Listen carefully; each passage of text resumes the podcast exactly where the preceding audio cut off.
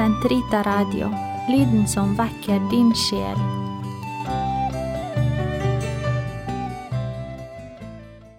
Den katolske kirkes katekisme, uke 51, fredag 1667 til 1673. Andre liturgiske feiringer Sakramentaliene I tillegg til sakramentene har Kirken, vår hellige mor, innstiftet sakramentaliene. Disse er hellige tegn som likesom etterligner sakramentene. De uttrykker først og fremst åndelige gaver som oppnås ved Kirkens bønn. Gjennom dem forberedes mennesker til å ta imot hva fremfor alt sakramentene har å gi, og dertil bidrar de til å hellige ulike situasjoner i livet.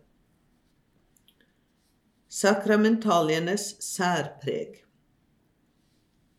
De er innstiftet av Kirken for å hellige visse kirkelige tjenester, visse livsformer, høyst ulike omstendigheter i kristenlivet, på samme måte som bruken av ting som er til nytte for mennesket, Alt etter biskopenes pastorale vurdering kan de også imøtekomme særlig kulturelle og historiske behov i, kirken, i kristenfolket i et bestemt strøk eller en bestemt tidsepoke.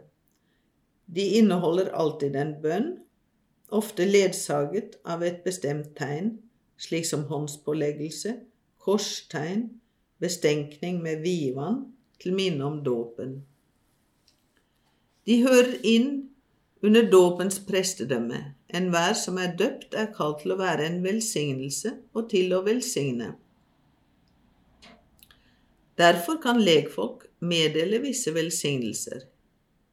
Jo nærmere en velsignelse er knyttet til kirkelig og sakramentalt liv, desto mer forbeholdes den ordinerte embetsbærere, biskoper, prester eller diakoner.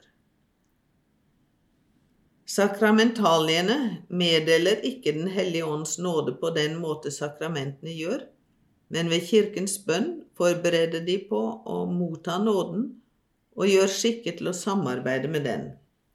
Dette vil da si at for de troende som således er rede til det, kan praktisk talt alle livets begivenheter helliges av den guddommelige nåde som har sitt utspring i påskens mysterium i Kristi lidelse, død og oppstandelse, for det er derfra samtlige sakramenter og sakramentalier henter sin kraft, og der gis knapt noen rettmessig bruk av materielle ting som ikke kan innstilles på dette mål, menneskers helligelse og Guds lovprisning.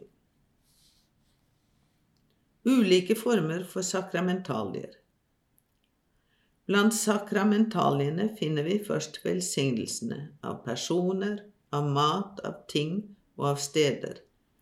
Enhver velsignelse er en lovprisning av Gud og bønn om å få motta Hans gaver. I Kristus er vi kristne velsignet av Gud Fader med all, alle åndelige gaver. Efeserbrevet 1.3. Slik har det seg at Kirken meddeler velsignelsen under påkallelse av Jesu navn og vanligvis ved å tegne Kristi hellige korstegn. Visse velsignelser har varig virkning. De vigsler mennesker til Gud og setter ting og steder til side for liturgisk bruk. Blant dem som angår mennesker, og som ikke må forveksles med sakramental ordinasjon, har vi velsignelsen av abbeden eller abbedissen i et kloster, vigsel jomfruer, riten ved avleggelse av klosterløfter og velsignelse til visse tjenester i kirken, lektorer, akolitter, kateketer osv. Som eksempel på velsignelse av ting kan nevnes vigsel eller velsignelse av kirker og altre, velsignelse av de hellige oljer, av hellige kar og paramenter, kirkeklokker osv. Når Kirken offentlig og med myndighet i Jesu Kristi navn ber om at et menneske eller en ting må være beskyttet mot noenes anslag og unndratt hans herrevelde, er det tale om en eksorsisme.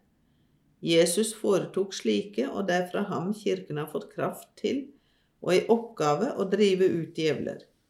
I enkel form utføres eksorsisme ved dåpen. Høytidelig eksorsisme, som kalles den store eksorsisme, kan kun utføres av en prest og med biskopens tillatelse. Slik eksorsisme skal man gå til med klokskap og i streng overholdelse av de regler Kirken har satt opp. Eksorsisme har til hensikt å drive ut demoner eller å befri fra djevlebesettelse, og dette i kraft av den åndelige myndighet Jesus betrodde sin kirke med. Sykdomstilfeller, særlig sinnssykdom, er noe helt annet. Å helbrede dem hører inn under legevitenskapen. Derfor er det viktig, før man griper til eksorsisme, å forsikre seg om at det dreier seg om nærvær av den onde og ikke om et sykdomstilfelle.